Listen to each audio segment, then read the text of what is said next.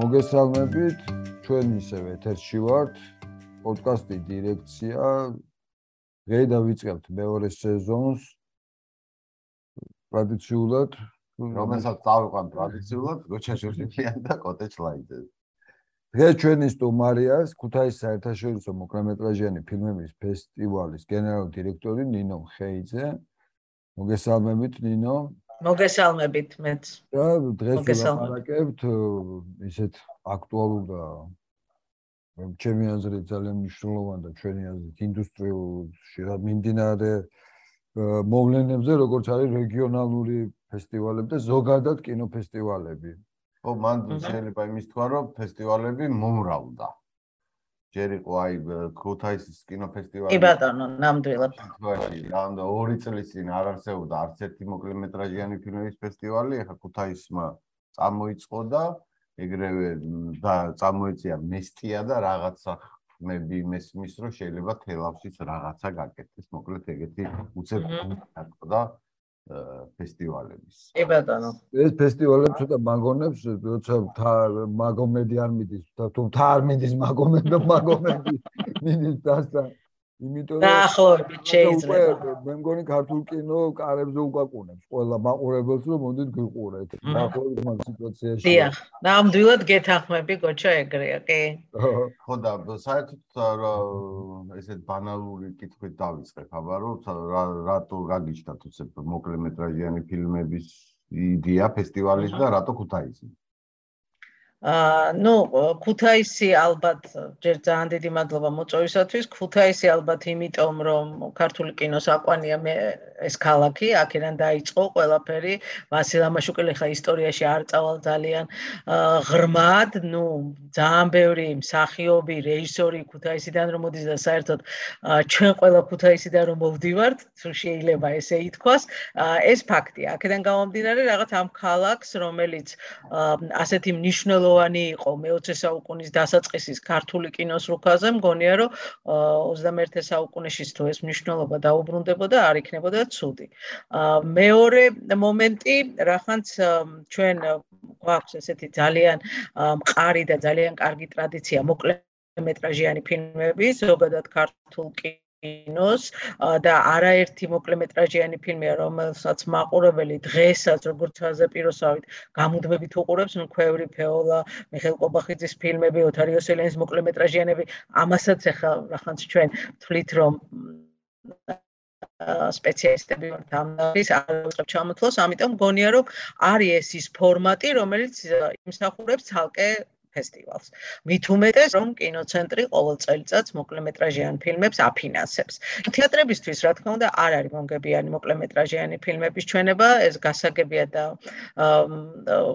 შეიძლება მისაღებიც რაღაცა კუთხით და ამიტომ უნდა არსებობდეს რაღაცა სივრცე მე ესე ვფიქრობ, სადაც შესაძლებელი იქნება ამ ფილმების ნახვა. ძველი ფილმების ნახვაც და გახსენება და გადახედვა რაღაცეების და რა თქმა უნდა ახალის რომლის პრემიერებიც სწორედ უშუალოდ ფესტივალის დროს უნდა შედგეს. ეს და მეორე რაც ძალიან მნიშვნელოვანია ასევე და რაზეც მე მგონი ყველა კინემატოგრაფისტი თანხმდებით ეს არის ის რომ კინოს უნდა უყურო კინოდარბაზში არასადღაც რა თქმა უნდა შეიძლება მინდორში გაჭიმულ ეკრანზე რა თქმა უნდა შეიძლება სკოლაში უბრალოდ კედელზე ყველანაირ ფორმატში შეიძლება კინოს ყურება შეიძლება ლეპტოპშიც რასაც მიგვაჩვიეს დიდი ხნის განმავლობაში მაგრამ არაფერი არ ჯობია იმას როდესაც შენ ამას ახერხებ კინოთეატრში. და რახანს ქუთაის აქ ესეთი ფუფუნება რომ აქვს კინოთეატრი ამიტომ ვფიქრობ რომ ამ თვალსაზრისითაც იმსახურებდა ეს ქალაქი და რა თქმა უნდა ამ ყველაფერზე მაღლა დგას ის რომ თვითონ ქალაქია დაინტერესებული, იმიტომ რომ შენ შეიძლება ძალიან ბევრი რამე გინოდეს, მაგრამ ქალაქს არ ესმოდეს და ქალაქი გვერდში არ დაგიდგეს და ამ შემთხვევაში ჩვენთვის ძალიან მნიშვნელოვანი იყო, რომ ქალაქის მერიამ ეს აიტაცა, მიიღო, მიხვდა ამ ფესტივალის მნიშვნელობას თავისი ქალაქისათვის და არა მარტო ქალაქისთვის, არამედ უშუალოდ აი ამ კუთხისთვის და რეგიონისთვის და მეორე წელიწადია ძალიან აქტიურად ხარში გვიდგას. ეს ძალიან მნიშვნელოვანია. ამისთვის რა თქმა უნდა ძალიან დიდი მადლობა ქუთაისის მერიას. გარდა ქალაქისა ცენტრალური ხელისუფლების ხარდაჭერაც ქონდა, ხო, შარშან და წელს. იცი, ქონდა შარშანაც და წელსაც გვაქვს ეს არის კინოცენტრის ხარდაჭერა. უბრალოდ წელს ჩვენ ვერ მოვიპოვეთ კულტურის სამინისტროს ხარდაჭერა, იმიტომ რომ კულტურის სამინისტრომ რაღაცა სხვა ფესტივალებს მიანიჭა პრიორიტეტი. ხა რატომ და რატომ მოხდა ეს მე არ ვიცი, იმიტომ რომ მსგავსი შეკითხვით ჩვენ არ მიგვიმართია, იმიტომ რომ აი იმ გამოცდილებიდან, როდესაც მე ვიყავი მაგალითად სცენარების ჟიურიში ხოლმე სულ მართალი გითხრათ, მაგიარებ, მაგიზიანებ და ის ადამიანები, რომლებიც ჩივილს იწყებდნენ და იძახდნენ რატომ მე არა. ну კონკურსი არის იმის კონკურსი რომ შენ შეგუებული ხარ იმ ფაქტს რომ შეიძლება შენ არ დაგაფინანსონ ამიტომ ახლა მე ვერ დავიწყებ იმაზე ყოველს რატომ მანდა მაინც მე არა შეიძლება მე ვფიქრობდე მე პირადად და ჩვენი გუნდი ვფიქრობდეთ რომ საინტერესო ფესტივალია და იმსახურებდა მხარის დაჭერას და გვერდში ამოდგომას მაგრამ ну რატო არ ფიქრობენ ასე ხელისუფლებაში მე ამაზე პასუხი არ რა კითხავ კი რომ მარტო თქვენ არა პრინციპში არც თბილისმა არ მიიღო არ ვერც ბათუმმა ვერ მიიღო. რაღაც ამიტომ ეს რაღაცაირად კითხეს ბადებს ნეტა რა კრიტერიუმებით იხემძღვანელ ეს რა უბრალოდ აი კითხვა გინდა კი საინტერესოა ნამდვილად. ჩემთვისაც ძალიან საინტერესო არის აი რა კრიტერიუმებით იხემძღვანელეს მით უმეტეს რომ ეს სამივე ფესტივალი ლოკაციურად იყოს სხვადასხვა ადგილას და ჩვენ ვიცით რომ არაფერს საწინააღმდეგო არ მაქვს ერთ ლოკაციაში რამდენიმე ფესტივალის, მაგრამ ამ ფონზე ერთ ლოკაციაში ორი ფესტივალი დაფინანსდა. ამიტომ მე არ ვიცი, ვერ გეტყვით ახლა რატომ არა ჩვენ. ნუ ფაქტია, რომ ეს ესე მოხდა წელს. ჩვენ ძალიან წირი ბიუჯეტი გვაქვს ძალიან წირი, ისიც რაც კინოცენტრმა მოგცა არის ძალიან წირი. შარშან ჩვენ გვერდით არ იდგა არც ერთი ბანკი, მიუხედავად იმისა, რომ ბევრ ბანკთან მქონდა კომუნიკაცია, ყველასთან მივედით, რაღაცა ვაწონებდით თითქოს ჩვენი იდეებს, მაგრამ არც ესე მარტივია საქართველოსი ფულის მოზიდვა, ხო? ყველა ვიცით ეს და არ არის მარტივი ამ საქმეში უმეტეს აი ესეთი ვისაც ფული აქვს და შეუძლია რომ გაიღოს მათი ჩართვა.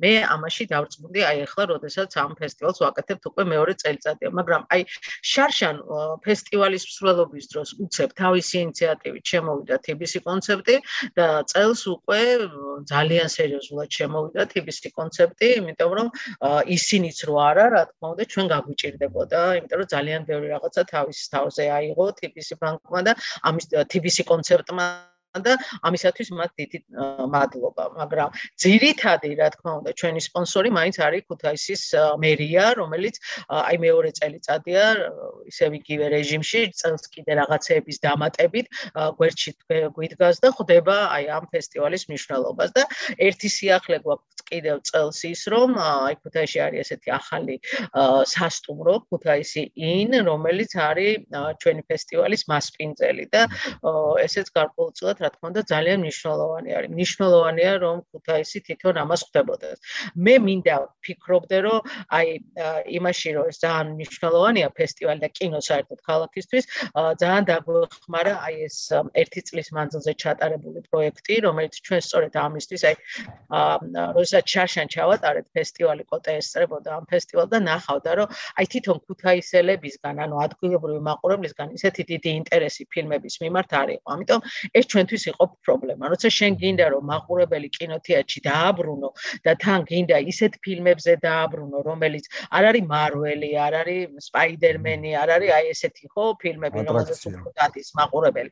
არ არის ხო ატრაქციონი, არამედ არის უფრო ხელოვნებასთან ახლო გომი და რაღაცა ფიქრების და იმების გამღვიძებელი შენ ეს მაყურებელი უნდა მოიზიდო და აი ჩვენ ჩავთვალეთ რომ ესეთი მოზიდვა შეიძლებოდა თუ ქუთაისში თვეში ერთხელ ყოველთვის ბოლოს გავაკეთებდით ქართული ფილმის პრემიერებს. სადაც მართლ სიმბოლურ თანხარს დავაწესებდით იმათ რა ქვია ბილეთის ფასად და ეს არის 2 ლარი.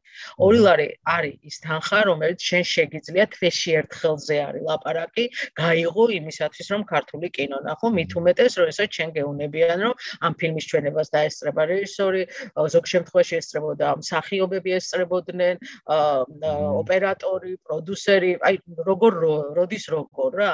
და აი ამან გვაჩვენა, რომ ნუ ის რომ სან ალექსანდრო კობერიძის ფილმი მნიშვნელოვანი იყო ქუთაისისთვის, იმიტომ რომ ქუთაისში იყო გადაღებული, გასაგებია, მაგრამ აი ის ინტერესი რაც იყო, მაინც უჩვეულო იყო, იმიტომ რომ ჩვენ მოგვიწია ერთი სეანსის მაგივრად ორ პარალელურ დარბაზში ამ ფილმის გაშვება, იმდენი ხალხი მოვიდა და მეორე დღეს დამატებით კიდე ერთი სეანსის დანიშნა. ეხლა ამაში ჩვენთან ძალიან მნიშვნელოვანია, რომ კინო საქართველოსაც ეს ესმის, რომ აი მაყურებელი უნდა მოიძიოს და გარკვეულწილად ძალიან მნიშვნელოვან ჩვენ ხარში გვიდგას, იმიტომ რომ არენდაში შეგაწყვეტი მაგათვისაც ეგ ინტერესია, იმიტომ რომ კინოში სიარულის კულტურა თუ შეიქმნა კინოთეატრიც? რაღაცნაირად დაიქოქება და ხო რა თქმა უნდა მაგრამ ესეც ახლა თუ არ ესმის ადამიანს და ყრუკედელია იმას ხო ვერ გაანგრევ არა კოტე და როდესაც ესმის ადამიანებს და ხვდებიან რომ ეს მათთვის აუცილებელია და გეუნებიან კი ბატონო არ გადაიხადო არენ და იყოს თვეში ერთხელ. ეს შენი ოღონდ უსუბილეთოთ არა და ეს ორი ლარი ეს არის ძალიან მნიშვნელოვანი იმიტომ რომ ის ორ ლარიანი შემოსავალი მათთვის არაფერი არა დიახ. ბოდიში ორ თვითონ ფესტივალის დროს არ არის ხო კათოლიციზმის ბილეთების გაყიდვა თუ არა არა არა თავისუფალი დასწრება არის კი ბატონო აი საერთოდ მკავს რომ თვითონ დაინტერესა თქვენ რაც ახსენეთ ხო? რამდენად ელოდებით თუ არა რომ გაიზდება მაყურებელი თვითონ ადგილობრივი იმიტომ რომ მოდი ესე ვთქვათ რომ ერთი და იგივე ხალხი ერთ და იგივე ფილმებს უყურებს ოღონდ დღეს უყურებს თბილისში ხვალ ბათუმში ზეკუთაისში რო არ იყოს ეს ხო მაინც რაღაცა მე მგონი აი მაგ თემას შეეხო თათ თაც უნდა უნდა ვთქვა თუ ნინო. ხო. ხო როგორ არის აი არა მე მგონი აი მე ესე გავიგე რომ ზუსტად ის ხალხი სავარაუდოდ ვინც დადიოდა ამ ფილმებზე გახდება უკვე ფესტივალის მაყურებელიც რა ეს საინტერესო კი აუცილებლად. უბრალოდ კომერციული ფილმთან მიმართებაში ცოტა სუბიექტური არის მარტო კომერცია ამათ მართლა ძალიან კაი არა კომერციეთი დავიწყეთ კომერციეთი დავიწყეთ ჩვენ ესე ვაჩვენებთ ერთი ერთი ჩვენება გვაქვს მხატვრული მეორე თვეში ჩვენება გვაქვს დოკუმენტური ფილმი. დოკუმენტურ ფილმზე მაგალითად კეკო ჭელიძის აა ფილმზე, დოკუმენტურ ფილმზე ძალიან ბევრი მაყურებელი იყო და ისეთი საინტერესო შემდეგ საუბარი იყო მაყურებლის და რეჟისორის, რა თქმა უნდა, ძალიან საინტერესო და ეს დამკვიდრ და ეს ის ადამიანები არიან, რომლებიც თვიდან თვემდე ამ ჩვენ ფილმებს ელოდებიან და ეს აჩვენა მაგალითად, აი ეხლა აგვისტოში ჩვენ ქონდა ბესო სოლომონაშვილის ფილმი, აა ისა კონფლიქტის ხო არა პოსტანი კონფლიქტის კონფლიქტის ზონაში რომელიც ტექნიკური ხარვეზი იყო რაღაც ფორმატი არ იყო ისეთი და მაყურებელი 1 საათი მორჩილად იჯდა და ელოდებოდა რომ ფილმს 1 საათის შემდეგ ნახავდა ეს უკვე ნიშნავს იმას, რომ აი რაღაცა მოლოდინი იმაყურებელს აქვს. მე როდესაც აი ახლა ამ ჩასვლაზე ჩვენ პოსტერებს ვარიგებდით ქუთაისში, ძალიან ბევრი გვეკითხებოდა, უკვე იწება? ანუ აი ეს განცდა, რომ რაღაცას ელოდებიან სექტემბრის ბოლოს, უკვე არის გაჩენილი და ამიტომ ვფიქრობ, რომ წელს უფრო მეტი მაყურებელი გვეყოლება. ეს მოხალისეობაზეც გვინდოდა ვეკითხა თვითონ კრაუდფანდინგზე და ზოგადად თვითონ ადგილობრივი ახალგაზრდები მოხალისეება თუ ყავთ ჩართული და აქტიურობა კი ბატონო აი ეხლა მაგალითად ეხლა მაგალითად ჩვენ ორშაბათს უკვე დავდებთ რომ ვიწევთ მოხალისეებს შარშამ ყავდა მოხალისეები ოღონდ ეს მოხალისეები ჩვენ თვითონ ვეძებთ რაღაცა ისე კავშირებით. ეხლა დავდებთ ჩვენს Facebook გვერდზე სწორედ აი ამ news რომ მოხალისეებს ვეძებთ ინგლისური ენის ცოდნით შემდეგ 22-ში გავესაუბრებით მათ და რა თქმა უნდა ქუთაისელი ახალგაზრდობაც ამაში ყველაფერში ჩართული იქნება. ძალიან მნიშვნელოვანია ის რომ აი ამ კონკურს ქართულ კინოს როდესაც უკაცრავად ამ ჩვენებებს როდესაც ჩვენ ვაჩვენებთ ჩვენ დავამატეთ კიდე ერთი კომპონენტი უფრო მეტად რომ მოგვეზიდა მაყურებელი. ეს არის აი ეს მაყურებელი რომელიც 12 ფილმს ხო ფაქტობრივად თელი წლის განმავლობაში ნახავთ. 6 დოკუმენტს და ეს ხატულ დეკემბრის ბოლოს ჩვენ საიტზე გადმოაგზავნის SS რომელიმე ფილმზე, თავის რჩეულ ფილმზე და აი ამ ესეებიდან ამოირჩევა საუკეთესო და მას გადაეცემა 500 500 ლარიანი ჯილდო. ესეც რაღაცნაირად წახალისება არის იმისა, რომ კინოს უყურონ, კინოზე იფიქრონ და წერონ და ამიტომ ვფიქრობ, რომ აი რაღაცა ნაბიჯები გადავდგით იმისკენ, რომ წელს უფრო მეტი მაყურებელი ყოლოდა. ამ ამ ინტერესს რა თქმა უნდა გაძლიერებს ისიც, რომ ძალიან საინტერესო სტუმრები ყავს, რომლებიც თავის მხრივ ჩაატარებენ მასტერკლასებს ფესტივალის ბოლოს ფესტივალს ეწევა ფიდონ პაპამაიკლი, რომელიც არ არის ხა ესეთი ფიგურა, ძალიან მნიშვნელოვანი ფიგურა არის კინოში და აი მასთან შეხვედრა იქნება მისი ფილმის ჩვენება გვექნება, მოკლემეტრაჟიანი ფილმის, რომელშიც ძალიან საინტერესო ამერიკელი მსახიობები თამაშობენ და ნუ ნახოთ. გონია რომ მომავალ წელს კიდე რომ მასშტაბურად შევძლებთ თუ რა თქმა უნდა უფრო მეტი დაფინანსება გვექნება. აი დაფინანსება. ძალიან ხარია ბოჩა სხვათა შორის. ბატონო კრაუდფანდინგზე არ გითქვიათ ხო არაფერი? კრაუდფანდინგი ჯერ ეს ბათუმს გაუჭირდა და იმიტომ ჩაატარეს ახლა ხო არა თქვენ ხო არა ჩვენ ეგეთ რაღაცას ჩვენ ჩვენ ვახერხებთ ვახერხებთ ну შეიძლება მომავალ წელს თუ კიდე რადიკალურად შეიცვალა დამოკიდებულება ფესტივალების მიმართ და მართლა აღარავინ არ ამოგვიდგა ხალხში, მაშინ შეიძლება დაგვჭირდეს ესეთი რაღაცა, მაგრამ წელს აი იმითი რომ მართლა საოცარი გუნდი და საოცარი ადამიანები არიან ჩემს გვერდით, გინდა ჩემი აქტიორი თანადამფუძნებელი ნინო ახვლედიანი, გინდა ახალგაზრდები, რომლებიც ჩემი სტუდენტები იყვნენ, ახლა ჩემი კოლეგები არიან, როდესაც ადამიანი გეუბნება, რომ არა უშავს არავინ ხელს დღევანდელ დღეს, როცა გაჭირვება და ასე შემდეგ, ну, მეორე წელიწადია ჩვენ ამ რეჟიმში ვართ.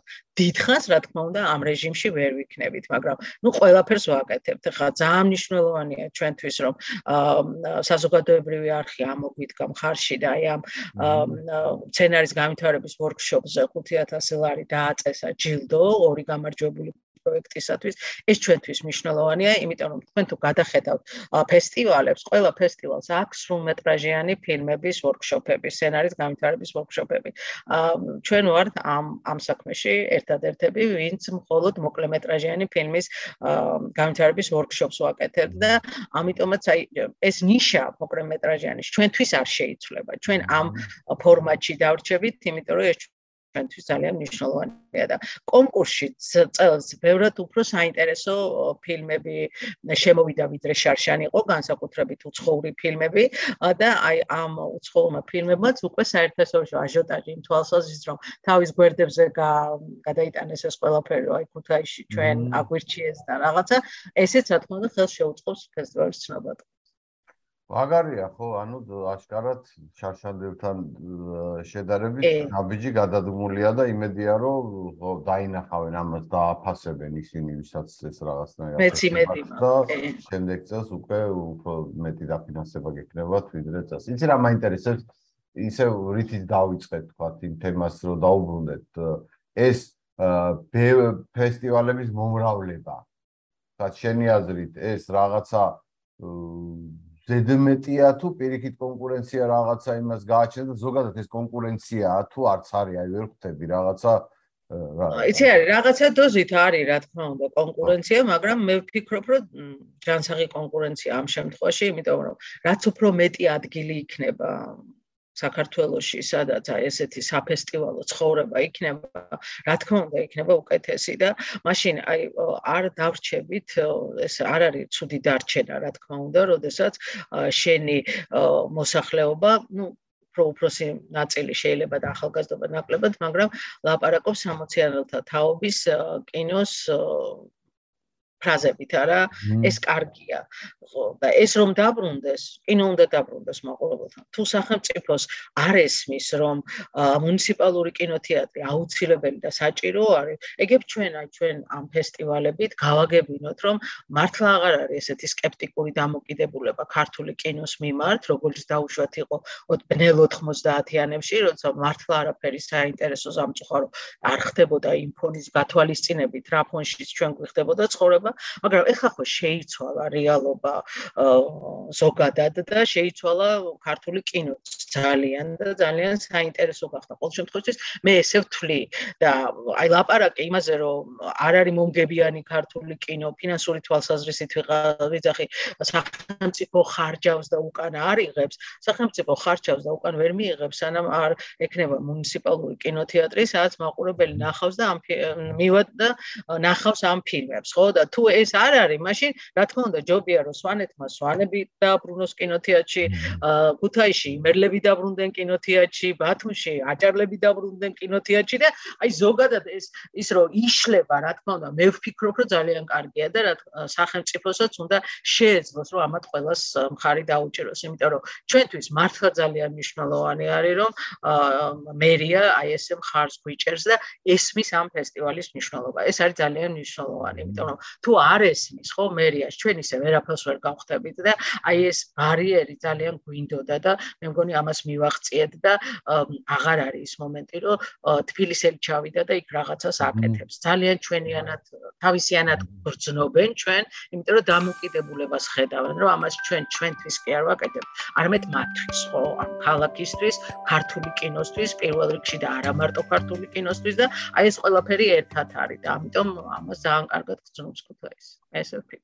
მე არ ვიყავს აი ხო, შარჩენა უყოფილოა, მაგრამ ალბათ ქალაქში ციგზნობა, ხო, რომ რაღაც პლაკატები არის, აი მარკეტინგში ხარჯავს, ხო? ანუ იხარჯება რა. იცი რა, ხო, ამაში ამაში გვეხმარება. კი ბატონო, ამაში გვეხმარება თვითონ ქუთაისის მერიაც და რა თქმა უნდა ძალიან გვეხმარება TBC კონცეფტი, რომელსაც ეს თავის თავზეა გაღებული, ხო და არიან კიდე ძალიან ბევრი ისეთი ადამიანი, რომელიც საერთოდ თამაში არაფერს ფულს არ იღებს, მაგრამ ისე გვეხმარება და ხან კლიპს გვიკეთებენ, ხან რაღაცას გვიკეთებენ, ანიმაციას, ну მოკლედ ესეთი ადამიანები ძალიან ბევრი არიან და ეს მე מחარებს და ის მომენტიც კიდე რომ ჩვენი პიარი თეკლა ჯავახაძე, რომელიც პროფესიით მსახიობია, მაგრამ კიდევ კასტინგ რეჟისორიც არის და ძალიან კარგად იცის ეს ყველაფერი, წარმოშობით ქუთაისელია და ხო და მასაც აი ეს მომენტი ხო ეს ისინი უფრო აქვს, მაგრამ თეკლასთან ერთად რაღაცა იმითი მე და ნინოც და ჩვენი გუნდის წევრებიც გავხდით უკვე ქუთაისელებთან ქუთაისელებლად იმიტომ რომ აი რომ მივდივართ რაღაც იმებში და აი ვითხოვთ რომ აი ესე მხარჯე და აი მაგალითად სასტუმრო მაგნოლია რესტორანი დები რაღაცა ძალიან დიდ დათმობებზე მიდიან ჩვენთან მიმართებაში როცა სხვასთან შეიძლება ეს არ გააკეთონ და ეს ჩვენთვის ძალიან მნიშვნელოვანია. ეს ნიშნავს რომ ისინიც გზნობენ რამდენად მნიშვნელოვანია ეს ფესტივალი ქალაქისთვის არ შემიძლია ერთი რო ძალიან გიჟური აზრი არ გაგიძელოს, რომელიც კინოცენტრიდან მოყავ მაწუხებს. სულ ვიძახი, ესეთი სულ ცოტა მაშინებს ეს უფასო კონტენტის მიცემა, იმიტომ რომ ეხლა რა ჩვენთან მოხდა, ჩვენი ხალხი დაეჩვია უფასოდ კინოების და იმის მიღება, როცა დაიკეტა ეს, ну, რაღაც უკმაყოფილებაც მოყვა და რახან მაინც ეხა ბილეთს ვერ უყიდით ერთ ფესტივალზე. ყوار შეიძლება რამე ერთ სეანსზე რომ უბრალოდ რაღაცა ყუთი დაიდგას. აი გამოსვლაზე მაყურებელს უბრალოდ რამდენი ძუღირს იმდენი გადაიხადოს ბილეთში. ეს რაღაცა შეიძლება ექსპერიმენტი იყოს და ცოტა ისეთი აზრი რომ რაღაცნაირად ჩვენ მაინც უნდა მივეჩვიოთ რომ უბრალოდ კინოში არუცაც უნდა დავაჩვიოთ, მაგრამ ჩვენ მაყურებელი მასაც დავაჩვიოთ რომ ამ ნაწარმოების ამ ქნილების უკან ადამიანები დგავენ რომელსაც ცხოვრება უნდათ ელემენტარულად რა რაღაცა შემოსავლები უნდა კონდეთ ამედგა რაღაცა უნდა რა ვიცი ეს ძალიან ისეთი სხვა შორის სკანდინავიაში გეთანხმები ძალიან საინ ძალიან საინტერესო იდეა არის და აბსოლუტურად გეთანხმები. ოღონდ ეს ლარი უგზავნა ჩვენი ეხლა კი კი, მაგრამ ჩვენი ჩვენი ეხლა ძალიან მნიშვნელოვანი არის ჩვენთვის, რომ ეს მაყურებელი მიეჩვიოს კინოში სიარულს. ნახოს, რომ ამაში ფულის გადახდა ღირს. სანამ ის არ მიხვდება, რომ ამაში ფულის გადახდა ღირს, მე შეიძლება დავაწესო რაღაცა თანხა, მაგრამ ის არ მოვიდეს. ამიტომ ჩვენთვის ეხლა მნიშვნელოვანი არის აი იმ მაყურებლების შექმნა ქუდაიში, რომელიც ყოველი თვის ბოლოს ელოდება, იმიტომ რომ იცის, რომ კინოში წამოვა და რაღაცა საინტერესო ნახავს და რომელიც მე ერთი წლის განმავლობაში აი ეს შიმშილი ექნება მართლა რომ რა კარგი იყო ის ხუთი დღე კინოდან რო არ გამოვდიოდი და მე ამაში თანხას გავიღებ. ეხლა ეს მომენტი არ არის. აი როდესაც ჩვენ ესე ვიქნებით რომ აი შევატყობთ რომ მართლა მაყურებელი უკვე ესე არის. რა თქმა უნდა შეიძლება. ეხლა იმ ფონის გათვალისწინებით რომ აა არ ვიცი შეიძლება ვიღაცას გონია რომ მართლა ძალიან წარმატებული ეკონომიურად ქვეყანა ვართ. მე არ მგონია ეს, იმიტომ რომ ძალიან უჭირს ადამიანებს ზოგადად და ბევრს უჭირს, ხო? ამიტომ აი რაღაცა შენ, როდესაც მიაჩნიათ რომ კინო, თეატრი ეს ყველაფერი არის ფუფუნება და ამაში რაღაცა ფულს რო იხდი, ესე იგი შენ გააქვს ზედმეტი რო ამაში გადაიხადო, ეს მდგომარეობა ჯერ ქუთაისში ნამდვილად არ არის. ნუ ახლა შეიძლება ხათ საქართველოს სხვადასხვა ქალაქებში არის, მაგრამ ქუთაისში ჯერ ნამდვილად არ არის. ამიტომ ჩვენ გვირჩევნია, რომ აი ესე მოვიზიდოთ მაყურებელი და თუ კინო საქართველოს გვერდში გვედგება იმ თვალსაზრისით, რომ აი რაღაცა შეღავათიან არენდას გაგვიკეთებს, ან რიგ შემთხვევაში საერთოდ არენდის ფულს არ გამოგვართმევს, თუ მერიაც ესეთი ჩართული იქნება, თუ კინოცენტრი ყავა დაგვაფინანსებს, თუ კულტურის სამინისტრო დაგვინახავს და მიხვდება რომ რაღაცა საინტერესოს ვაკეთებს და ღირს ჩვენში ფული ჩადება. თუ თიბისი კონცეფტი ისე გვერდით იქნება და კიდე ვიღაცები შემოემატებია, მაშინ რა თქმა უნდა შეიძლება ვფიქრი, რომ აი რაღაცა შესაძლებელია, რომ აი სიმბოლური ისევ არა ის როგორც საერთოდ არის ბილეთები, არამედ აი როგორც დავიწყეთ, შეიძლება მე ფესტივალზეც ბილეთი 2 ლარი ღირდეს, შეიძლება რაღაც აბონემენტი შემოვიღოთ, რომელსაც ერთგული მაყურებელი უფრო იაფად იყიდის, მაგრამ ეს რა თქმა უნდა საომალო ქვეყნებია წელს არავითარ შემთხვევაში. აბა რა ვიცი, მე მგონი წარმატებები თქვენ ფესტივალს, როდის არის კიდევ ერთხელ ჩვენ სვენელსაც და მაყურებელს რო 24-29 24-29 სექტემბერი. გელოდებით ქუთაისში. მოუწოდებს რომ მივიდნენ კინოთეატრში საქართველოში და აუცილებლად. დანაც ვიცი მე წამოვლენ კარგი ხალხი და გეყოლებათ კარგი სტუმრები. აბა წარმატებები. დიდი მადლობა, მადლობა. ორგანიზატორებს, მონაწილეებს, აუდიტორიას. დიდი მადლობა. დიდი მადლობა შენ რომ გაგვესაუბრეთ დღეს და ჩვენთვის გამონახეთ. აბა კარგად იყავით. მადლობა ნახვამდის. შეხვედრამდე ქუთაისში. აუცილებლად.